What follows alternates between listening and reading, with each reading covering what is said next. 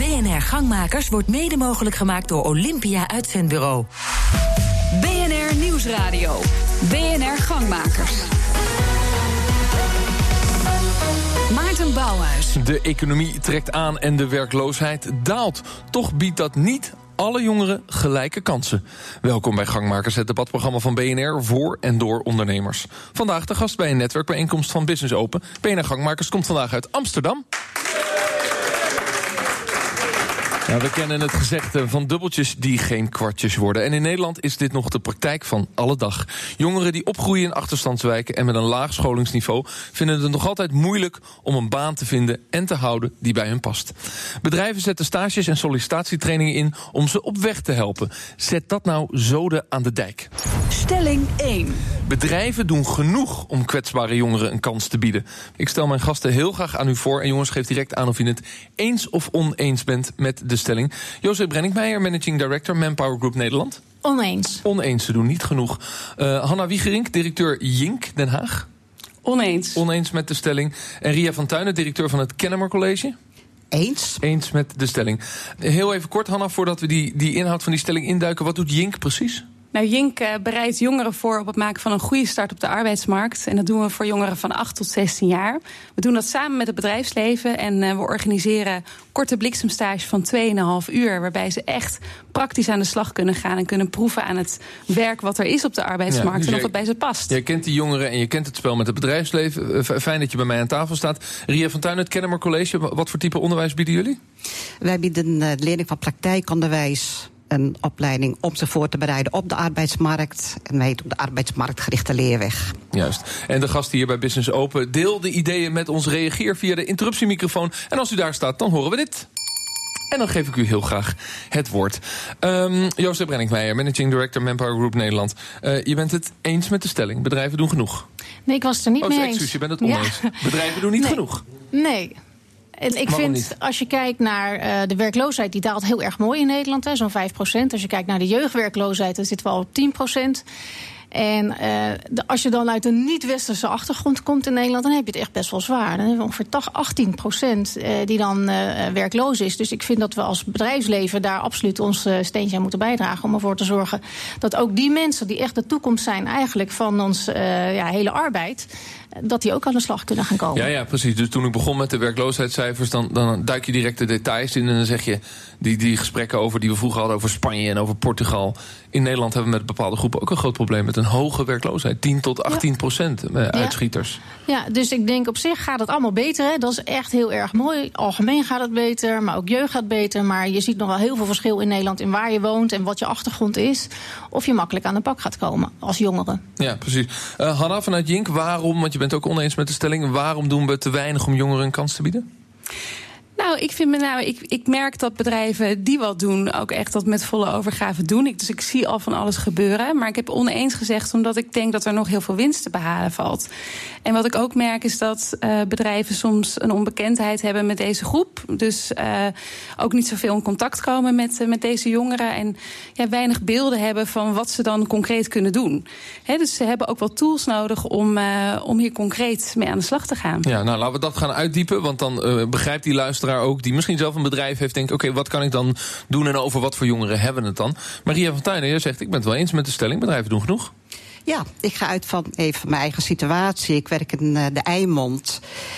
Uh, onze leerlingen lopen stage uit de hele bovenbouw. Het is een flinke groep leerlingen. En ik ben al jarenlang heel tevreden over het aantal stageplekken wat we hebben.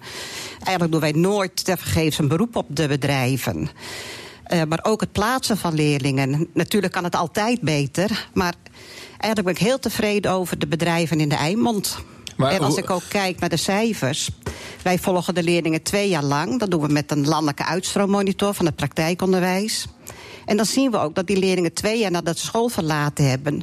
nog steeds of in de opleiding zitten of een baan hebben. Ja, maar hoe match je dat dan um, met José die zegt... ja, die werkloosheidscijfers zijn nog best wel schrijnend? Ja, ik, ik, denk ook wel dat het beter kan. Maar ik denk van mijn doelgroep, die praktijkschoolleerlingen. Niet alleen door de, de goede bedrijven die we in de Eimond hebben. Maar ook door de loonsubsidie die er gegeven wordt voor uh, praktijkschoolleerlingen. Ik denk ook dat het minimumjeugdloon uh, helpt. Ben ik eigenlijk wel heel optimistisch hierover. Maar Het minimum jeugdloon is het feit dat eh, jongeren onder de 26 minder mogen verdienen dan het minimumloon. Daar is Ja. overigens ook heel veel discussie over in, in politiek Den Haag. Ja, maar, maar u framet dat positief. Dat helpt. Het helpt, Het helpt eh, om jongeren aan het werk te houden. aannemers om ze een contract te geven. Ja, pre- precies. José Brenninkmeijer, wat vindt u daarvan? Want zij is eigenlijk best wel positief. Het bedrijfsleven biedt genoeg stageplekken, in ieder geval voor haar school. Dat is haar scope. Oké. Ja. Maar tegelijkertijd is er dus nog een grote groep die en uit de boot valt. En, en ze zegt er ook bij, dat vind ik wel interessant, het jeugdloon, dat helpt wel. Nee, ik vind het heel erg prachtig dat eh, eh, in de regio IJsselmond dat het daar goed gaat. En Ja. ik denk ook dat het echt te wijten of te danken valt aan, aan eh, de begeleiding die een school geeft. Ook zodat je een goede samenwerking hebt met de bedrijven. Dat is iets wat ik aanneem, want het is echt bijzonder als je zo makkelijk aan je stageplaatsen komt. Eh, als je meer kijkt naar de Randstad en de grotere steden daar, die hebben toch ook best wel vaak last om mensen te kunnen plaatsen. Eh, dus dit is denk ik een waanzinnig mooi voorbeeld van hoe het kan. En dat moeten we met z'n allen nastreven. Ja, En precies. Nou ja, zij, zij zit in de omgeving Haarlem. eh, de, Ja, dus, eh, Eimond. ja, Eimond. Eh, dat is toch bij Haarlem in de buurt? Nou ja, Beverwijk, Heemskerk. Oh ja, dat wou ik zeggen. Dat ligt vlak bij elkaar. Eh, nee, op, op een wereldscoop, nee. Eh, eh, eh, eh, dus dus daar, daar lukt het. Maar je zegt, daar zouden we in, bijvoorbeeld in Amsterdam een, een voorbeeld aan moeten nemen. Is dat hier dan nog een probleem om die stageplekken te vinden? Nee, ik, ik zie dat vaker bijvoorbeeld in, eh, in eh, eh, andere steden, meer in het zuiden bijvoorbeeld, hebben we daar ook wel last van dat dat minder makkelijk gaat. Dus het is absoluut waar wat je zegt. Hè. Als je als overheid stimuleert om jongeren aan de slag te laten gaan, dat helpt wel. Subsidies helpen absoluut. Eh minimum jeugdloon is iets wat de drempel verlaagt. Je kan niet van iemand verwachten die net begint dat hij precies al weet hoe die moet werken. Dus dat, dat vraagt ook iets meer begeleiding. En ik, ik snap ook wel dat je daarmee kijkt naar eh, nou, wat is een mooie loonsopbouw. Dus dat zijn echt zaken die ons als bedrijfsleven helpen om. eh, Nou, laten te we proberen pakken. handen en voeten te geven. De stelling is: bedrijven doen genoeg om kwetsbare jongeren een kans te bieden. Eh, vanuit Jink hier aangeschoven Hanna Wiegerink. Ik wil heel graag met jou uitdiepen van wat zou het bedrijfsleven dan meer moeten doen? Want je bent het oneens met de stelling. Maar ook aangeschoven is Annemieke Kieviet, directeur Global Affair van Axo Nobel. Van harte welkom. Fijn dat u er bent. Eerst even vanuit de onderbuik maar. Eens of oneens met de stelling? Doen bedrijven genoeg? Ja, ik ben het ermee eens. Ja, ze doen genoeg om jongeren aan het werk te. eh, wat- was het ook weer? Om kwetsbare jongeren een kans te bieden. Ja, eh, Ja. nou in ieder geval het bedrijf waar ik werk doet genoeg. Of het bedrijfsleven in het algemeen dat doet, weet ik niet. Maar ik, eh, ik zie in ieder geval heel veel grote Nederlandse bedrijven die hier met volle overtuiging aan meedoen. Oké, nou laten we dat zo verder uitdiepen. Hanna, wat zouden bedrijven meer moeten doen wat jou betreft?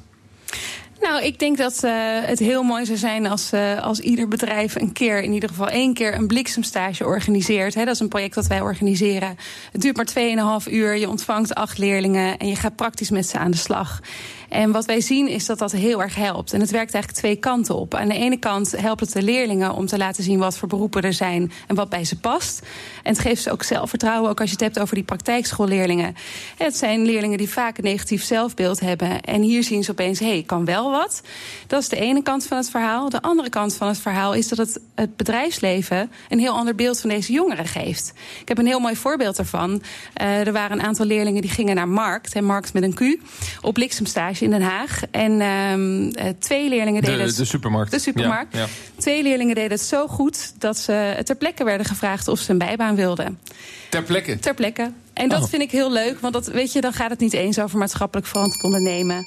Het gaat gewoon over dat, zij, uh, dat, ze, dat ze wat in de jongeren zagen. Ja, precies. Interruptie, zegt u maar. Met wie heb ik het genoegen? Nou, mijn naam is uh, Marcus de Jong. Ik uh, vertegenwoordig Finesse, incassoservice, ja. MKB incassobedrijf. Zou het zien zitten? Ja. Acht jongeren, 2,5 uur bij u over de... Over de nou, nou, ik ben een klein beetje in vloer. de war door mevrouw. Want uh, jongeren van 8 tot 16, uh, hoe kan ik die in vredesnaam een bliksemstage geven bij een incassobedrijf? Dat, Ja. dat, dat, dat vind ik een lastig. Want u denkt, ik heb een kennisorganisatie en, en mensen zijn minimaal 20 en hebben een mbo-opleiding afgerond als ze bij mij komen werken. Ja, Grofweg. Nou, dat is nog niet eens nodig. Want ik, ik heb daar.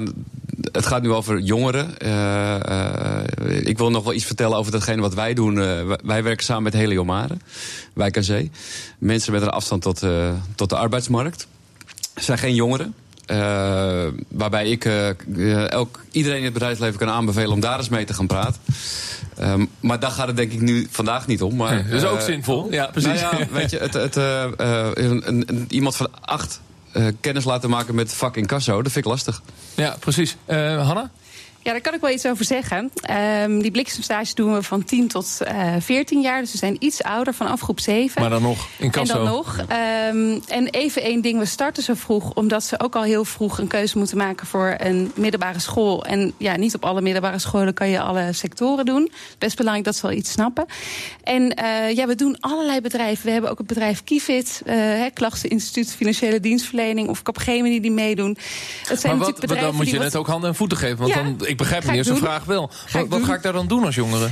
Nou, we kunnen van alles verzinnen. We proberen altijd uh, in ieder geval iets te laten zien van uh, de core business van wat jullie doen. En daar bedenken we een opdracht, bijvoorbeeld een, uh, een rollenspel mee.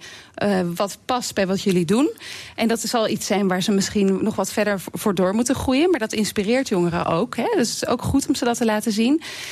Maar we laten ook beroepen zien op MBO-niveau. dus jullie hebben vast secretaresses in dienst of administratief medewerkers. En we bedenken een leuke opdracht die ze daarmee kunnen doen. Maar Jozef Brenninkmeijer, is dat nou de manier om je talent te gaan uh, ontdekken? Eh, als je mensen op die manier zo een beetje raar laat nou, proeven? Ik denk dat het er vooral om gaat. Laat ik zo zeggen, wij doen mee aan de snuffelstages. Ik vind het ook echt een waanzinnig goed initiatief. Want het biedt je eigenlijk twee dingen. Hè. Dus enerzijds is het voor de studenten waanzinnig leuk om eens te zien... wat is werk nou? Mijn vader gaat misschien elke dag naar werk. Maar wat gaat hij nou doen? En mijn kinderen vragen ook wel eens aan mij van... wat doe je nou eigenlijk de hele dag? Ja, is niet het probleem dat veel van de, of een aantal van die leerlingen... uit de achterstandswijk komt waarbij hun vader juist niet naar werk gaat? Dat is absoluut zo. En daar zijn die snuffelstages perfect voor. Dus überhaupt, al heb je werkende ouders... is het al lastig om je een beeld te vormen. Nou, laat staan als je ouders niet werken. En dan, daar vind ik dit een, echt een heel goed voorbeeld voor. En als bedrijf heb je er ook heel erg veel aan. Maar, maar zou het nou echt helpen? Want die, die jongen van tien die komt bij een incassobureau binnen... en die krijgt een leuke opdracht. Ja, met wat voor idee gaat hij naar huis? Wat, wat heeft hij kunnen begrijpen waar hij was? Ja, ik denk het wel. Ik denk ook dat je de jongeren niet moet onderschatten. Want die weten heel erg fijn aan te voelen van hoe gaan mensen met elkaar om? Wat is belangrijk? Waarom loopt iedereen er op een bepaalde manier bij? Uh, waarom overleggen mensen zoveel? Ze zien altijd heel erg veel. En ik vind ook als bedrijf heb, kan je er ook heel veel aan hebben. Dus wij bijvoorbeeld vragen ze altijd... nou, doe eens even een kijkje naar ons uh, social media profiel. En dan zie je dat zij ons weer tips geven... die ik van tevoren ook niet had kunnen bedenken.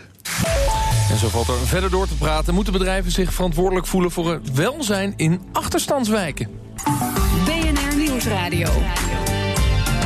BNR Gangmakers. Mijn naam is Maarten Bouwhuis. Maatschappelijk verantwoord ondernemen, dat is zaken doen met oog voor je omgeving. Hoe ver gaat dat dan eigenlijk? Moet je ook het welzijn van achterstandswijken willen opkrikken? Stelling 2. Bedrijven moeten zich verantwoordelijk voelen voor het verheffen van achterstandswijken. Ik stel mijn gasten heel graag nogmaals aan u voor en geef direct aan of u het eens of oneens bent met de stelling. Uh, Jozef Brenninkmeijer, Managing Director Manpower Group Nederland. Oneens. Oneens. Hanna Wiegerink, directeur Jink. Eens. Eens met de stelling Ria van Tuinen, directeur Kennemer College. Oneens. Oneens. Annemieke Kiviet, directeur Global Affairs Axo Nobel. Eens. Eens met de stelling. Uh, Annemieke, mag ik dan bij jou beginnen? Waarom eens? Ja, ik ben blij dat ik het wel mag nuanceren. Uh, Uiteraard. ik ben het ermee eens dat bedrijven hun verantwoordelijkheid moeten nemen. Maar ik vind dat alle instituten dat gezamenlijk moeten doen. Uh, wij werken heel vaak samen met gemeentes, met scholen, met NGO's zoals Jink. Dus zonder al die partners kunnen we dat niet. Uh, maar uh, ja, ik denk dat dat de toekomst heeft. Publiek-private samenwerkingen. Uh, ja, maar dan zou je toch iets meer invulling moeten geven aan wat het bedrijfsleven dan, dan gaat doen voor het verheffen van een achterstandswijk. En als we dat iets meer invulling zouden willen geven, kijken we dus naar de sociaal-economische samenhang in een wijk. Met relatief veel werkloosheid of relatief veel problemen achter de ja. voordeur. En hoe kan het bedrijfsleven zo'n wijk opkrikken? Nou ja, onze fabrieken zitten heel vaak in, in, in, in dat soort wijken. En uh, wat wij doen is samenwerken met scholen, snuffelstages bieden, sollicitatietrainingen bieden. Uh, maar ook bijvoorbeeld opleidingen tot schilder. Er is een groot tekort aan schilders. Uh, wij zijn onder andere fabrikant van verven. Dus we hebben ons Sikkens kleureninitiatief en. Dat, dat weten we. Er ja. zijn ook andere partijen die heel graag die verf willen kopen. maar daar zullen we het zo nog even over hebben. Maar je zegt, je zou dat. je, je, je zit met die fabrieken in die wijken en daar heb je dus een maatschappelijke rol. Dat klopt, ja. ja. ja. Dus wij, ja, er is echt een veelheid van, van projecten die we doen. Maar bij het Sikkens Kleureninitiatief hebben we gepensioneerde oud-Sikkens-medewerkers. Die uh, met kinderen van jongeren van het ROC uh, uh, opleidingen verzorgen en scholen schilderen. En daar hebben we er de afgelopen twee jaar 50 van gedaan wow. in allerlei wijken. 50 scholen geschilderd. Zeg het maar, interruptiemicrofoon. Met wie heb ik het genoegen? Hallo, ik ben Jeroen Bares van Kerkhof Stella Zonde Gerechtsdeurwaarders. Ik ben het nu al, nu ik dit gesprek hoor, absoluut oneens eh, met het feit dat bedrijven zich zouden bemoeien, moeten bemoeien met het verheffen van wijken. Ja, waarom? Uh, mijn mening is dat het, het gevaar wat daarin sluipt, is dat straks uh, alle jongeren in met, uh, alleen nog maar met Apple-telefoons in rondlopen. Want die worden gesponsord door die bedrijven, want die gaan immers die wijk verheffen. Of dat alle woningen in de wijk worden voorzien van uh, sikkensverf. En wat, wat je daarmee ontstaat, is dat je uh, de boel zou kunnen corrumperen. En ik denk dat we een centrale overheid hebben die daar sturing en leiding in moet nemen. En dat we dat uh, niet over zouden moeten laten aan marktwerking. Oké, okay. uh, nou direct reactie dan maar, horen wederhoor. Ja, ik ben het ja, daar volstrekt mee oneens. Ik vind het niet meer dan normaal dat het bedrijfsleven zijn verantwoordelijkheid neemt en teruggeeft aan de omgeving waar ze in werken. En natuurlijk moet dat geen commerciële marketingactie zijn. Maar dat wij dat doen... kan ook niet marktverstorend zijn op de een of andere manier. Dat die school geverfd wordt met jullie verf en niet met de verf van PPG. Zijn. Dat, dat mag nooit het uitgangspunt zijn. Maar wij hebben wereldwijd een Human Cities programma. En daar bereiken we 9 miljoen mensen mee. En dat is een veelheid van, van projecten. En lang niet allemaal met onze pro producten. Uh, dat gaat ook over opleidingen en trainingen. En het stimuleren van kinderen om bijvoorbeeld voor uh, vakken, technische vakken of de wetenschap te kiezen. Uh, wij zijn gek van moleculen. Maar kinderen denken daar misschien in het begin niet aan. Ja, precies, dat zou die manier kunnen zijn. Even naar Jing toe. Je bent ook voorstander van de stelling. Hoe zouden bedrijven dat moeten doen? Kijk, ik denk dat, uh, dat bedrijven nooit een totale verantwoordelijkheid daarvoor kunnen nemen. Ik zie dat hetzelfde, hè, dat je dat in samenhang met allerlei andere organisaties uh, moet doen. Ik denk wel dat ze een stukje kunnen pakken. En ik zie ook dat uh, het hele maatschappelijk verantwoord ondernemen begint veel meer een, een soort samenwerkingsvorm te worden met andere organisaties. Waarbij je probeert aan te sluiten bij je eigen identiteit als organisatie en je eigen ja. positionering. Maar dan zegt Nobel, dat begrijp ik wel. We zitten ook met fabrieken dicht bij dat soort wijken. Dus dat is de manier waarop ze daar invulling aan geven. Jozef Brenninkmeijer, je bent het oneens met stelling. Ik kan me ook voorstellen, jullie zijn een, ja, een soort van kennisbedrijf, uh, dienstverlenend bedrijf, dat dat moeilijker is dan in het, in het voorbeeld van Axo Nobel. Nou, het, het mooie is, als we naar elkaars antwoorden luisteren, zeg ik eigenlijk precies hetzelfde als, als de collega's. Want ik ben het ermee eens.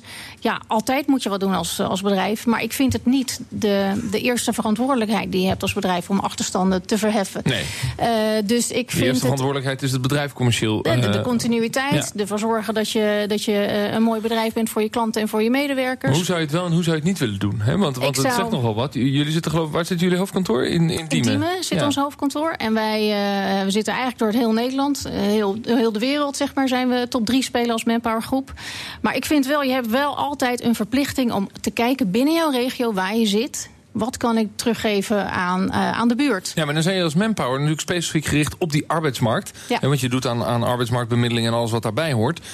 Um, dat zou nou juist iets zijn waarin je zegt: wacht eens even, uh, kan ik niet een aantal wijken oppakken om wat meer te doen dan alleen maar zorgen dat daar banen worden gecreëerd of dat ik mensen uh, naar werk begeleid? He, want ja. de reden dat mensen het moeilijk vinden, hadden we het voor de reclame over, om structureel aan het werk te komen, heeft ook met sociaal-economische achterstanden te maken die ze opbouwen ja, vanaf dat ze geboren worden in sommige achterstandswijken, ook in Nederland. Absoluut. Wij uh, zijn daardoor ook echt bezig met wat meer zaken in de breedte. Dus net een mooi project gestart in uh, de gemeente Amsterdam. Uh, I'm Power heet dat.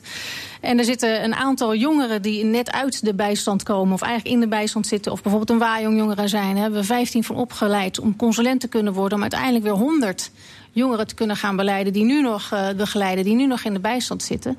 Of zodat zij weer terug kunnen gaan naar werk. Dus we proberen juist heel erg actief die mensen te betrekken. En dat is dit keer in de regio Amsterdam. En die hebben ook mooie uh, zitting uh, in, in de Belmer. Om ervoor te zorgen dat ze heel actief op hun eigen manier. Waarvan ik echt denk, je kan best de mensen zelf met hun eigen ervaringen nou, de, de goede voorbeelden laten geven. Op die manier proberen wij ons, ons steentje bij te dragen. Ja, dus maar en, en zou je dan de bewuste keuze willen maken als corporate om die acties echt te allokeren op een bepaalde wijk of op een bepaald deel Zo. van een wijk? Als Manpower groep zullen we echt altijd de breedte in dat we in de breedte zijn voor echt voor iedereen in Nederland. Ja, interruptie. Ja, daar ben ik weer. Ja. Ik ben het wel eens met Jeroen, moet ik stellen. Want uh, met name onze branche vind ik, uh, incasso en deurwaardersbranche hebben juist wel een hele belangrijke taak daarin. Ik in achterstandswijken bedoel je? Nou ja, om, om, om daar, als je maatschappelijk verantwoord ondernemen hebt... en je wilt mensen helpen door een bepaalde fase heen... Ja. dan denk ik dat, uh, uh, dat je bij onze kantoren aan het juiste adres bent. Daarnaast zit ik me heel te afvragen... wat is het criterium van een achterstandswijk? En daarnaast... Uh, op het moment dat uh, inderdaad vanuit het bedrijfsleven, nou, noem het maar, gesubsidieerd wordt om die wijken op te knappen. met Sikkens, met VVO, met PPG. Het is niet belangrijk wat voor soort verf. sluit je dan niet iets uit? Ja. Weet je, zijn er dan ja. andere wijken die niet het kenmerk achtergesteld hebben... die maar juist ook een opknapbeurt nodig hebben. Ja, dat is natuurlijk een interessante vraag, Annemieke. Sterker nog, uh, toen de Vogelaarwijken ooit werden geïntroduceerd... zijn er een aantal wijken in Nederland geweest... die hebben dat teruggegeven aan de regering. Zegt, dat label wil ik niet hebben. Uh, nu, nu ben ik als presentator degene die heeft gezegd... ik zet het woord achterstandswijk in de stelling. Uh, um, maar de vraag is natuurlijk wel terecht... waar kies je voor als je als Axo Nobel dit soort maatschappelijke projecten gaat doen... en waar kies je ook niet voor? Je zult wel keuzes moeten maken. Ja, we hebben daar wel criteria voor. Uh, het gaat ook heel erg om goede partners hebben, want in ons eentje kunnen we het niet. Um, uh, we hebben nu bijvoorbeeld net de Human Cities Coalition opgesteld. Dat is met de Nederlandse overheid en met Slum Dwellers International. En daar gaan we naar sloppenwijken in Manila en Jakarta. Omdat we gezien hebben bij ons werk in de sloppenwijken in uh, Brazilië dat dat echt verheffend is geweest. Maar ja, zo, zoals de vorige spreker ook al aangaf, met alleen verven kom je er niet. Dus wij hebben daar andere bedrijven uh, aan toegevoegd. Uh, bedrijven met kennis over water en, en projectontwikkeling, zoals Arcadis en Philips, verlichting. En kijken echt van de bottom-up.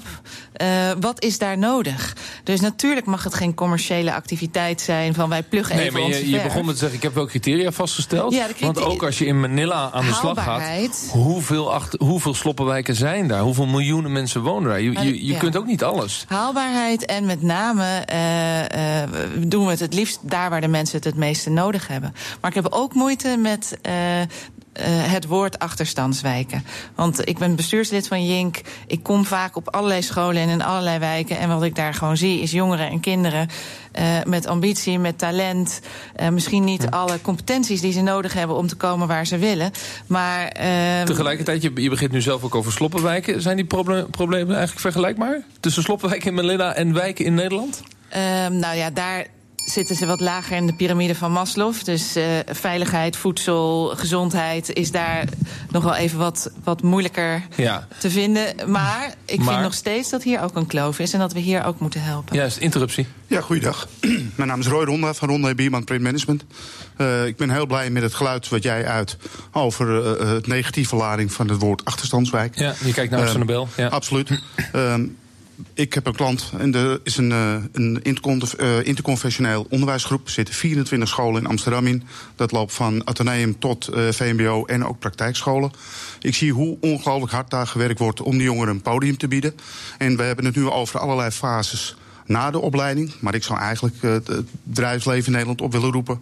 om die kinderen veel meer een podium te bieden. Zodat ze op jonge leeftijd zien dat ze echt kans hebben om in deze maatschappij mee te doen. Ja, Ria van Tuinen, directeur Kennemer College, is een man naar jouw hart natuurlijk. Hè? Ja, prima, hartstikke goed. Want ik denk inderdaad, je het moet hebben van de samenwerking met het bedrijfsleven. Ja. Daar was ik, zei ik ook al was ik begonnen met te zeggen dat ik zo blij ben met onze bedrijven in de Eimond. Dat ze zich echt openstellen voor de leerlingen. Ze willen ook gewoon weten wat voor soort leerlingen het zijn. Onze ja. stagebegeleiders vertellen ook heel en veel zo over vinden wat we ze die wel en niet verbinding kunnen verwachten. Tussen die, zo vinden we die verbinding tussen die leerlingen en het bedrijfsleven. Tot de breedte aan toe het ontwikkelen van wijken. Dat was hem alweer, BNR Gangmakers. Uh, dank aan mijn gasten hier aan tafel. En dank aan de gasten van de Business Open in Amsterdam. Dat was Gangmakers. Volgens op Twitter, jongens. BNR Gangmakers. Volgende week zijn we er weer. Tot volgende week. Dag. BNR Gangmakers wordt mede mogelijk gemaakt door Olympia Uitzendbureau.